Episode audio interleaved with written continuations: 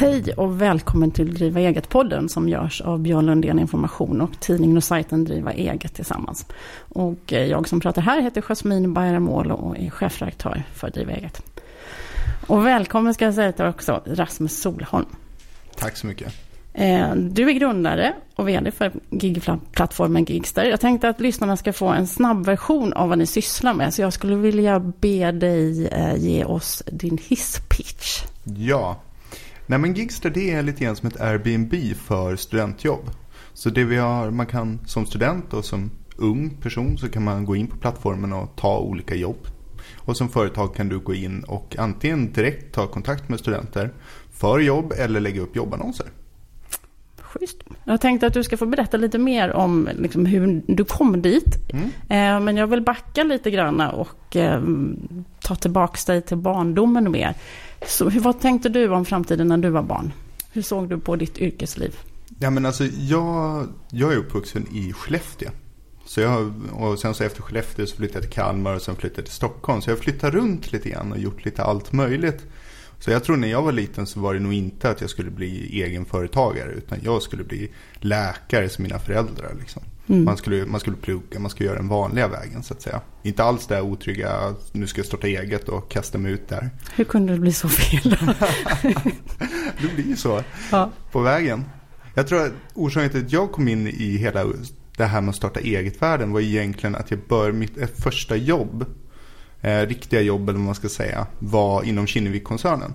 Och där var det väldigt så entreprenöriellt. Det var väldigt mycket så här är ditt område, gör det bästa av situationen, kör på liksom. Vad, gjorde, vad var din roll där? Då var jag säljchef inom eh, ett mm. område. Det är lite långt från läkare också i och för sig. Det är det också. så på vägen där så ja. hamnade man där istället. Men hur därifrån, för sen startade du eh, en eventbyrå om jag har förstått det rätt? Ja, men, ja men exakt. Så att egentligen var det så här att när, eh, när jag var ungefär 30 så eh, hade jag jobbat ett tag på Tele2. Jag var produktchef för det laget på Tele2. Mm. Och tänkte att nej, men nu, om det är någon gång man ska starta eget och göra eget, då måste jag nästan göra det nu. Så då slutade jag så här, nästan lite vind för våg. Jag hade väl egentligen ingen sån här superidé. Det här ska jag göra. Och det första som hände när man slutade var det att folk tog kontakt och började höra sig. Men kan inte du hjälpa oss med försäljning? Eller kan inte du hjälpa oss med de här sakerna? Eftersom att jag hade jobbat mycket med mm. det. Så då halkade jag väl lite in i det här event och säljspåret. Vi jobbade mycket med field marketing på olika sätt. Och hjälpte allting från de stora telekombolagen till Lars Wallin med uppdrag. Ett och ganska brett spektra. Från ganska brett spektra. tjusiga klänningar till. Ja, till att sälja mobiltelefoner. Ja. Vad var det viktigaste du fick med dig just, om du var inne på det här att det var en väldigt entreprenöriell anda inom Kinnevik. Vad, vad tog du med dig där liksom, som du blev smittad av? Men mycket det här med att det inte finns något rätt eller fel. Utan att man kanske måste egentligen bara komma igång och, och springa på några olika spår. Mm. Eh, och, och, ta sig framåt. Och sen utifrån det så får man liksom utvärdera situationen lite grann. Jag tror att det är väldigt många som fastnar i ett stadie. Både när man jobbar och när man ska starta eget och så. När man fastnar i ett stadie där det ska vara perfekt innan jag börjar. Jag mm. måste tänka igenom varenda liten del innan jag tar nästa steg. Och det tror jag att man lärde sig mycket på Kinnevik. Där det var snarare så att man pratade om, ja men ingen minns en fegis pratade man mycket om. Alltså, och det var en sån här stor grej som alla pratade om. Nu måste vi köra. Mm. Alla måste vara li lite modigare än man kanske är. Ja, men li lite ja. så. Och jag började när jag var 23. Det var då sista året när jag gick på KTH. Så när man är 23 och kommer in där och säger så här, ja men nu, nu, nu kör vi. Nu ska vi göra alla de här grejerna. Det var ju helt magiskt då. det ja, men det måste vara egentligen en ganska perfekt ålder också komma in när man är ganska formbar och öppen för ja. möjligheter tänker jag.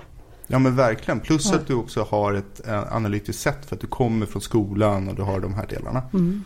Och det är lite grann där vår målgrupp är också med, med Gigster. Så jag tror det är det man har halkat in i. Det var därför vi valde den målgruppen också. För det är en sån formbar målgrupp som den ena dagen pluggar om och några månader senare så sitter de i trainee-roller. Eller och några månader senare så sitter de i ganska höga roller. Mm.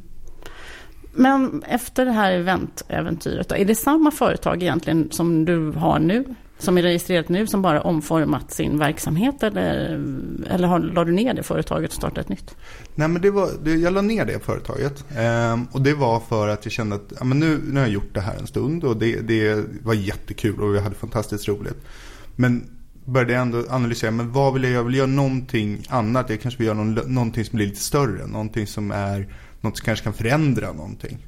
Och just då vid det laget, då hade vi människor som jobbade för oss i eventbolaget och de hade ganska många olika former av jobb och vi, jag pratade mycket med dem och de berättade att ja, jag, jag jobbar där, jag jobbar där och jag upptäckte att det var ju ganska många som hade dåligt, de kunde inte samordna de här jobben riktigt. De kunde, det var inte så tryggt, det var inte, man hade inte alltid ett avtal och allting sånt där. Och då började den här idén forma sig att ja, men om vi skapar en plattform där vi samlar det här som det är tryggt och enkelt att hantera alla sina extra jobb. Och det blir tryggt och enkelt för företagen att ta kontakt med en. Då har vi ju faktiskt en affärsidé som borde funka. Och just då var det ju också mycket det här med gigekonomin och det började pratas mer och mer om det. Så vi gick in och lyckades eh, fånga upp namnet Gigster eh, som varumärke och sen så eh, spenderade jag egentligen ett år på att vi byggde appen tillsammans med den här frilansare. För det här är egentligen två år sedan, eller? Exakt. Ja, och vad jag förstår så fick ni svarta siffror direkt. Ja, alltså vi, vi körde igång första året och då höll vi oss inom Sveriges gränser. Och då fick vi svarta siffror. Nu har vi inte svarta siffror för nu har vi då expanderat ganska rejält. Mm. Så vi har startat ett kontor i London. Vi kör verksamhet i Danmark. Vi kör verksamhet i Norge. Dock inte med kontor i Norge och Danmark. Eh, så vi, nu, har ju liksom, nu har vi börjat springa på ganska rejält för att komma ut. För det vi märkte var ju att det fungerade verkligen. Eh, så nu, nu har vi satsat jättemycket på expansion och komma ut i, i, innan någon annan så att säga kommer före. För det är lite grann chicken race i de här mm. i den här världen också. Men är det, är det någon annan som kommer? Men det finns väl ändå andra sådana här plattformar som också är någon typ av bemanningsföretag, eller? Ja, helt klart. Ja. Men är det att ni är nischade just mot den här målgruppen, eller vad är det du tänker? Det, för det första så vill man testa av om det fungerar på mm. fler ställen. För att det som vi är unika med det är just målgruppen som vi har. Att vi har en ganska tydlig målgrupp med just studenter och unga. Och sen så har vi också tagit en liten annan vinkling på det.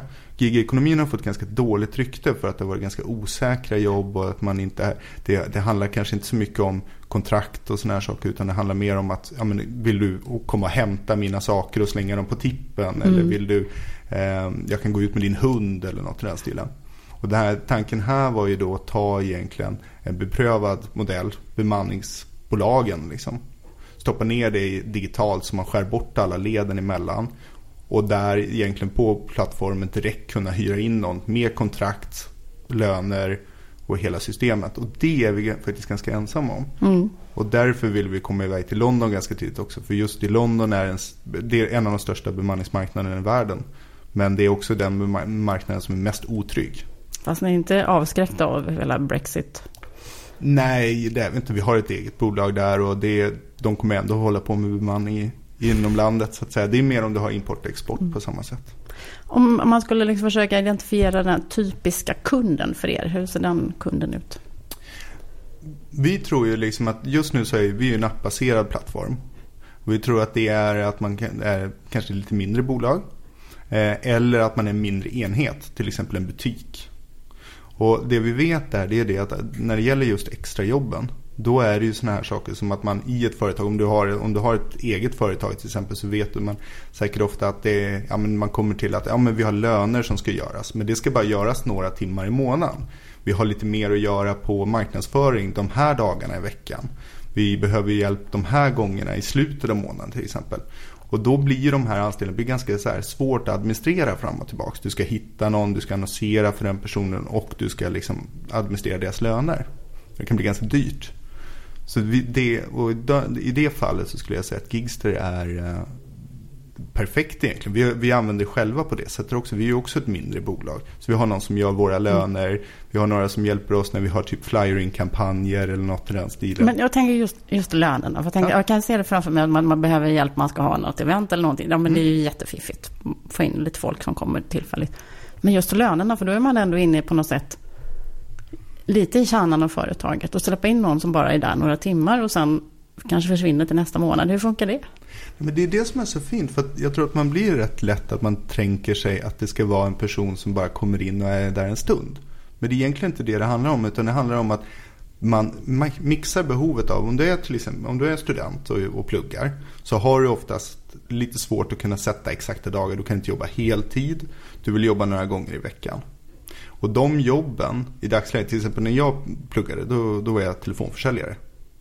Och då, då var man det, för det var det enda jobbet jag kunde liksom planera från vecka till vecka. Men jag ville ju fortfarande vara på samma ställe och jag lärde känna kollegor och sådana här saker. Så man kan ändå bygga relationer menar du? Ja, så, men över tid. Så, ja. Så det som, som Maria som gör våra löner, hon har ju gjort det i, ja nu har hon gjort det ett år hos oss. Så hon kommer in en gång i månaden hos oss och så gör hon det. Och sen så jobbar hon också via Linas matkasse via appen eh, två, två gånger i veckan. Och så har hon byggt upp sitt schema och så gör hon det vecka på vecka på vecka. Finns det, finns det någon, eh, vad ska man säga, för du var inne på att andra småföretagare kan, att det här kan passa. Liksom. Finns det några som det här, ja men det här är helt fel. Det här, fun- det här är inte liksom eran grej. Nej, men alltså kanske inte industri, men jag tror att det man ska tänka på det är det att man som företag, jag tror att det kommer vara mer så på företagen också, är det att man har, man har sitt core-team. Man har då det teamet som, som är liksom kanske lite själen i företaget. Det är de som, har, de som bygger upp allt know-how och de som har koll på utvecklingen om hur du är som företag och bygger företaget tillsammans. Men sen så kommer det väldigt mycket extra uppgifter runt omkring det här. Och det kan vara både avancerade uppgifter och lättare uppgifter. Det kan vara säsongsvariationer. Och det är då, då passar det väldigt bra att ha på det här sättet. Att man faktiskt kan administrera det på ett väldigt enkelt sätt. Så man får bort hela administrationsbiten. För ibland så kan det ju vara mer administration än du faktiskt får ut jobb på det. Mm. Men vad heter det, man tänker hela den här eh, gig-ekonomin i sig, den, den har ju varit på en enorm frammarsch. Mm. Eh, De senaste siffrorna som jag såg, det var 28 procent i Sverige 2017. Mm. Vad tror du potentialen? Hur ser den ut? Nej, men jag tror att gig-ekonomin är lite annorlunda nu än den kanske var från början. Jag tror att vi kommer se mer och mer utveckling. Jag tror att den har ju börjat med delningsekonomin från början när man kanske tänker på Uber eller man tänker på dela saker med varandra. Medan jag tror att det delningsekonomi egentligen handlar mer om det är ju effektivitet av resurser och pengar. Och någonting som är väldigt ineffektivt det är ju administration till exempel. Mm. Så jag tror att det här, att gigekonomin, det möjliggör ju att du kan jobba mer flexibelt. Men med mindre administration runt omkring sakerna. Du kan också dela på resurserna. Till exempel Maria skulle ju mycket väl kunna ha gjort löner på tre andra företag i vår storlek också. Så jag tror att det kommer vi se. Men jag, och jag tror att vi kommer att se en större utveckling av det. Men jag tror att vi kommer att se att många av de grejerna vi förknippar med gigekonomin idag kommer att bli mer återhållsamma. Jag tror det kommer att komma mer regler. Eller jag hoppas det. Mm. Alltså Ja, för det finns- känns ju som ett av de stora frågetecknen just kring den här sektorn. Ja, men det måste komma mer, liksom, både stöd från eh, liksom, fack och försäkringar. Till exempel vi, vi har ju flera olika försäkringsbolag för att säkerställa att Mm. alla är försäkrade. Men jag tror också att det måste komma med att man så att säga har mer trygghet i att, ja men till exempel när man gör det via oss, då, då skriver man ett avtal. Man skickar ett jobberbjudande, det är ett avtal där du säger de här dagarna ska du jobba. Eh, det här är din lön och sen finns det en uppsägningstid på det på två veckor. Så det är ju ett riktigt avtal. Mm. Medan i många av de här apparna kanske ofta är så här, ja men du ska jobba tre timmar, kanske. Och sen, kan, och sen på Ja, morgonen finns så är det någon som bokar av. Liksom. Vad händer om man blir sjuk då? Ja, men det är väl det som är det svåra med de här systemen också. Liksom. Hur hanterar man sjukfall i, med, med sådana här lösningar och med sådana här flexibla jobb. Och den ena sidan är ju liksom att är du garanterad jobb och du jobbar någonstans på heltid. Ja men då, då är, det är din fasta anställning som du jobbar med. I det här fallet så är det ganska svårt att hantera det för att det finns inga sjukförsäkringar på samma sätt. Det finns inga stöd för, för oss som företag att göra det heller. Har du en vanlig anställning idag till exempel och blir sjuk din första dag på, på jobbet. Då får inte du sjukersättning från det jobbet. Så det är mycket sådana, det är ju så vi byggt upp hela samhället på. Mm. Och jag tror för vår del så blir det också rätt svårt. Så vi kan tyvärr inte hantera sjukfall. Utan det vi gör istället det är det att i och med att jobben har sån karaktär att man ofta kan flytta dem lite grann. Så säger vi istället att om man är sjuk så försöker vi säkerställa att man kan ta och jobba in den passet en annan gång. Så du ändå får ut de pengarna från Okej, företaget. ja. För att annars tänker just att det här är väl, mm, om man nu ser som samhällsutveckling, att, att vi går åt det här hållet. Och så har man samtidigt de här stora trygghetssystemen då som kanske inte kommer att omfatta en del personer, en ganska stor del utav de som jobbar då. Eh, Så det blir ju en utmaning, tänker jag. Och då gäller det ju både sjukförsäkringen, det kan gälla även tjänstepension och sådär. Nu är det inte självklart att man får tjänstepension ändå, men i alla fall. Att det blir liksom saker som, som inte, själv, som inte kommer vara självklara i vår framtida arbetsmarknad på samma sätt. Jag tror, jag tror det nästan kan bli en möjlighet snarare. Jag tror att det kommer dyka upp väldigt många. Det dyker upp hela tiden nya former av försäkringsbolag, nya former av banklösningar. Mm. Jag tror att det kommer vara samma sak här. Att man kommer att hitta nya sätt som man kan faktiskt garantera sig för att till exempel hur kan du hedga dig själv eller hur kan du säkra dig själv mot att vara sjuk? Hur kan du säkra dig själv om det är så att du, det händer någonting annat på jobbet? Hur kan du säkerställa att du betalar rätt skatt när du jobbar via olika plattformar mm. samtidigt? Och vi ser ju bara till exempel att vi har inlett ett, en diskussion med Arbetsförmedlingen till exempel. Där vi pratar mycket om så här, men hur, kan man, hur kan man lätt liksom bygga upp sitt, vad ska man säga, sitt CV. Både om du söker jobb via Arbetsförmedlingen, via, vår plattform eller någon annan plattform. Så jag tror att vi kommer se jättemycket häftiga saker som faktiskt kommer att underlätta på den. Jag tror inte att den bara kommer bli otrygg utan snarare att det kommer att komma att vi kommer att anpassa oss. Ja, jag tänker att det är det man måste göra. Man måste anpassa sig efter hur verkligheten ser ut. Ja, men verkligen. Mm, vad heter det? Mm, eh, jag, jag tänkte på det här med att nu är ni inriktade på unga. Mm. Och unga är ju de som ofta framställs som mer flexibla och, och lite mer på. Och sådär. Samtidigt så har man ju läst andra undersökningar där det visar att det är många unga ändå som är ute efter mycket trygghet och sådär som också vill ha det. Och så tänker jag på, nu är jag 50 plus. Och om jag pratar med mina vänner som är ungefär lika gamla så är det ganska många av dem också som känner att ah, men nu hade det varit skönt att jobba på ett lite mer flexibelt sätt och kanske inte jobba på det här 9 5 jobbet. Mm. Eh, jag tänker att det kanske är mer någonting för unga. Hur ser du på det? Jag tror att vi har ju valt studenter för att det är en målgrupp som behöver jobba extra. Så man behöver vara lite mm. flexibel i sitt sätt. Men sen så ser vi också att de tar ju gärna jobb på företag där de faktiskt Ja, men det finns faktiskt lite olika saker som vi har sett som är lite intressant. Det handlar inte bara om pengar varför de jobbar. Utan man ser att de jobbar för att de vill få lite nätverk. De vill prova på ett mm. företag. Mm. Så får vi jobb till exempel, ja, men till exempel att bokföra löner eller något i den stilen. De jobben blir jätteattraktiva.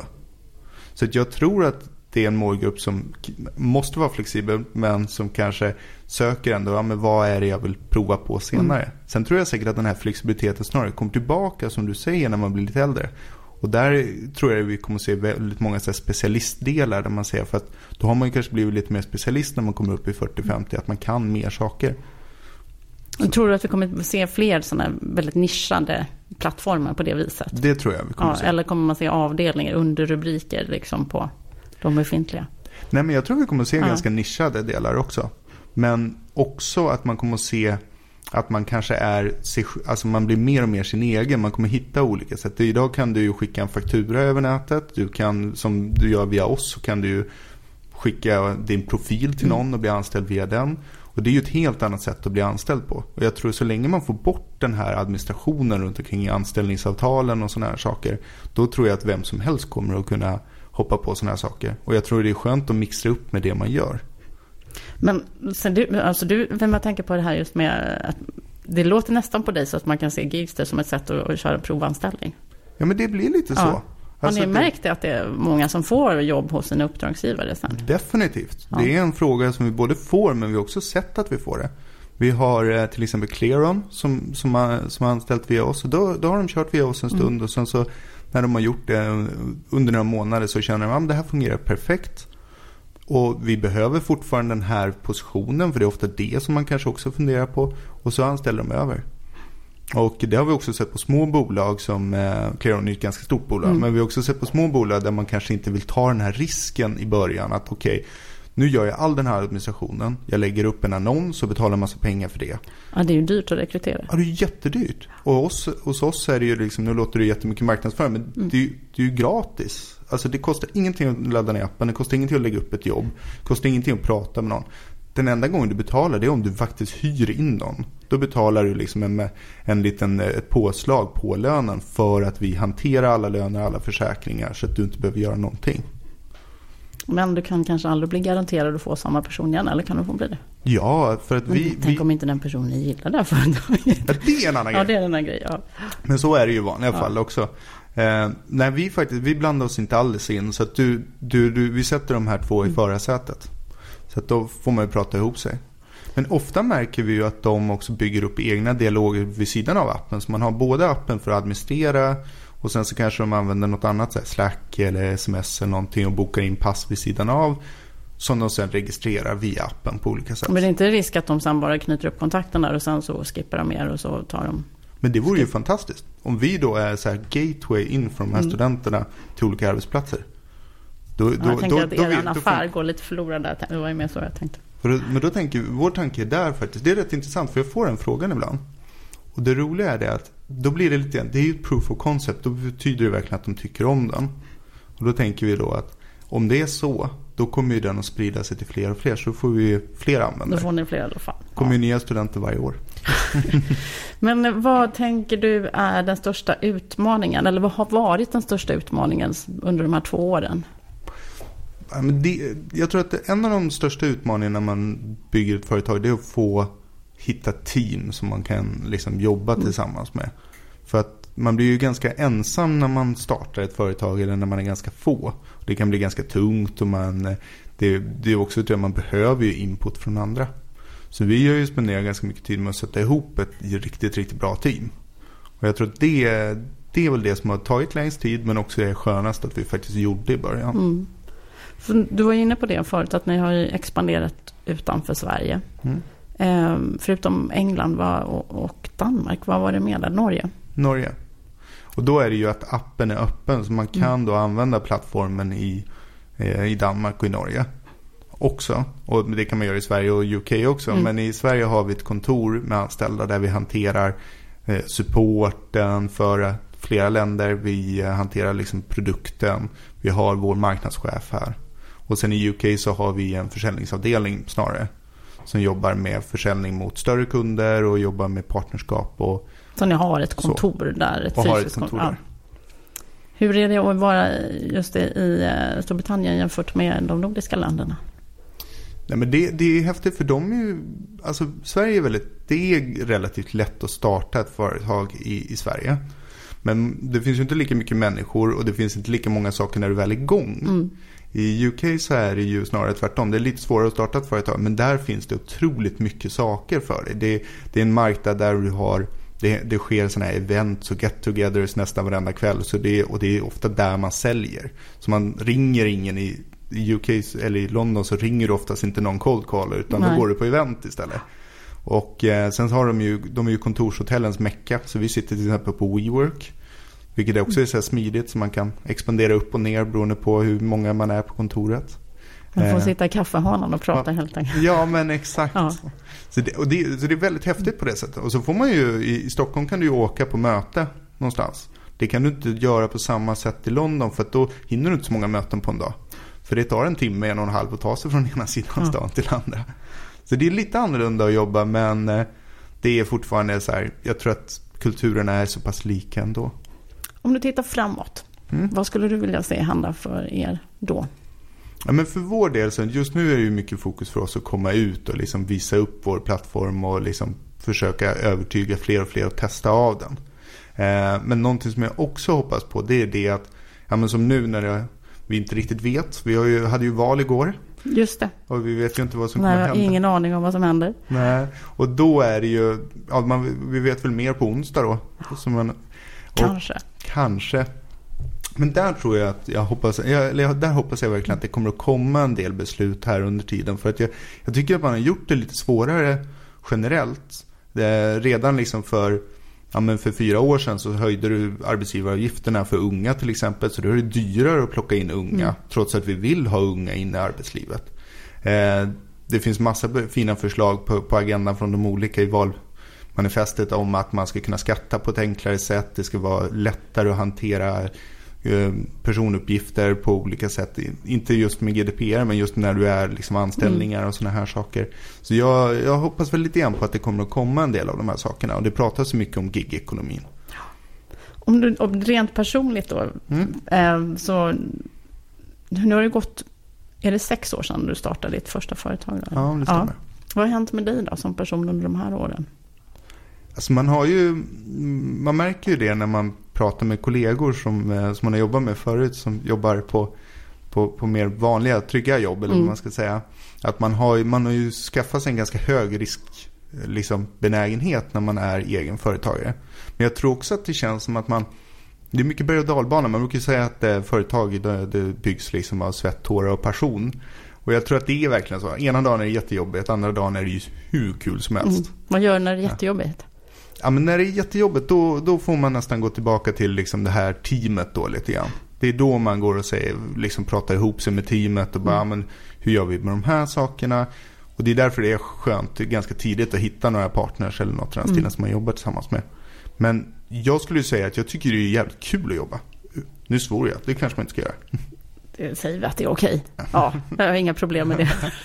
Nej men det är ju väldigt, väldigt kul att jobba. Ja. Och, eh, och, och se liksom i att, att det här blir ju en del av ens livsstil. Det, det blandas ihop med vad man gör annars. Jag går ju inte upp och går till jobbet och så går jag hem. Utan det blandas upp, man får det att flyta. Och eh, med, med det mesta runt omkring det. Så jag tror att på det sättet känns det som att man utvecklas jättemycket när man driver eget.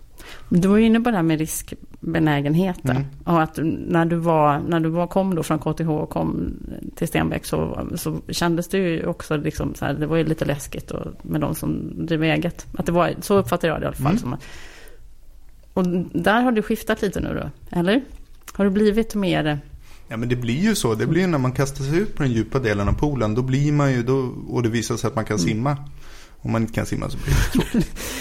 Men, det visar sig ganska snart också. Ja, och ja. Då, eh, eh, då blir man ju väldigt självsäker. Så jag tror att man, eh, man blir ju, jag tycker man blir självsäker när man driver ett mm. eget företag. på det sättet också. Det kan ju, man bli stöddig? Man kan bli stöddig. Men i och med att det är lite berg och dalbana så blir man ganska ödmjuk för situationen ändå. Man är ganska glad för de, de positiva sakerna ja. för man vet att det kan komma negativa grejer också. Jag tänkte att vi kanske ska avrunda. Eh, vad, men jag skulle, på Drivvägar så brukar vi alltid ha så här, man får dela med sig av sina bästa råd. Mm. Har du några sådana där omedelbara råd som du tänker att andra som kan vara i den här starta fasen eller start som står och bara funderar på att starta eget? Någonting som de kan ta med sig? Ja, jag skulle nog säga ett då som jag nämnde förut att sätta ihop ett team. Eh, ibland kanske man vill ha, liksom, ha företaget för sig själv eller man är lite rädd för att släppa in någon. Men mm. släpp in någon och dela upp det lite grann på några stycken. För att mm. man är, man, man är inte ensam stark när man kör företag. Vad har, varit, liksom, har du letat efter när du har satt ihop ditt team? Man pratar ju ibland om att man inte ska leta efter de som är så lika en själv. Men eh, hur har du? Hur har du? Jag tror att det är en sann modifikation lite grann. Man måste ju hitta några som kan saker som man själv inte kan. Rent praktiskt mm. är ju det bra. Men sen så är det ju bra att ha några som man har en bra nivå med. Som man, kan ha, man känner att man kan ha en bra dialog med. Och sen ganska tidigt då vara väldigt ärliga med varandra. Så man pratar väldigt mycket. Så man kan vara öppen och ha raka mm. puckar. Så att det blir liksom någon form av kompletterande kompiskrets också. Det tror jag är viktigt. Så man kan gråta ihop med när man får panik lite och så här. Ja, men lite och skratta så. ihop med när det går riktigt bra. Ja, eller, eller gå ut och ta en öl eller något ja. i den stilen. Ja, det var ett. Mm. Har du något mer? Sen så tror jag också att man ska ha lite tålamod. Jag tror att man jag vet att vi har ju sprungit på stenhårt här i, i två år och öppnat på, på, nya länder och allting sånt där. Och det, det, är bra också, men jag tror att det är ganska viktigt att man har lite tålamod också. Så här, för det kommer, det går, det tar ett tag att starta ett företag. Och man behöver inte vara liksom från 0 till 100 på en gång. Så försöka ta det lite försiktigt, känna av hur det funkar. Och sen när någonting går bra, gör lite mer av det liksom. Idag så blir man ganska hetsad när du läser tidningar och läser allting från Breakit till mm. Dagens Industri eller något i den stilen. Tänker shit, jag måste ju vara där nu. Jag måste ju vara Daniel Ek imorgon. Och det, jag Alla tror att man... vill vara Daniel Ek imorgon. Men jag tror att man, om man har lite tålamod så kommer man dit. Men för en del då som inte har så mycket tålamod kanske, eller det vet jag inte hur ni har gjort, men man, plockar, man är väldigt mån om att få in kapital snabbt. Mm. Liksom, för att slippa ha tålamod egentligen, för att kunna gasa på som tusan. Hur, hur tänker du där? Det är också en speciell grej för att det man, vi, vi har ju också varit, vi har tagit in lite kapital. Och vi tittar efter kapital eh, även nu. Mm. Det som, men jag tror att det är viktigt att man också tänker så här, men vad, är, var, vad ska jag använda kapitalet till? Är kapitalet för att vi ska överleva som företag? Har jag hamnat in i den mm. spiralen? Eller är det så att vi ska göra det för att nu ska vi expandera den här fantastiska idén? Så att om man känner så här, men nu har vi någonting som är bra. Det här kan vi verkligen sprida vidare. Ja men då, då ska man plocka in kapital för då kan man göra det för att växa vidare. Men om man fortfarande håller på att testa sig fram och lite sådana här saker så låt det ta en liten stund till. Liksom. Mm. Vad, är det som ni vill få in nu då? Vart, vad tänker ni att det ska leda er någonstans? Ja, men vi, vi känner väl att nu, nu har vi kört i två år. Vi har testat det på lite olika marknader. Vi har fått feedback från kunder. Vi, vi har gjort jättemånga dåliga beslut och en del bra beslut mm. och sådana här saker. Vi har märkt vad som funkar och inte funkar. Och känner, ja men nu behöver vi liksom, nu skulle vi gärna vilja skala upp det. Mm. Och då behöver vi komma ut. Så det vi gör, det, som nu då är för oss, då är det ju marknadsföring som vi vill göra. Men det är fler länder i Europa eller är det att gasa på i dem? Gasa på i dem. Den, när den vi har, ja. Så att vi får lite större marknadsandelar här först innan man går vidare. Det var två. Har du något mer att bjussa på? Ja, men så att du, du eh, så på den sidan. Och sen så tror jag också att det, du får absolut inte glömma bort hemma. Det låter kanske lite klyschigt men jag tror att det är jätteviktigt. För jag tror att man springer på och så tänker man, att nu är jag inne i entreprenörsvärlden. Då ska jag inte ha pojkvän eller flickvän. Mm. Och då ska jag vänta med att skjuta upp med familj och sådana här saker. Jag tror att det är viktigt att du får in dem också. För att det är, du kommer att behöva alla de där. Så du behöver ett bra team. Du behöver ha lite tålamod. Och du behöver också ha ett privatliv. Även om du tror att du ska ta över hela världen. Bra, vi låter det stanna där. Stort tack Rasmus, jättekul att ha dig med i Driva eget-podden. Och så säger vi tack för idag och god lyssning igen. Ja, tack för att jag fick komma. Mm, hej.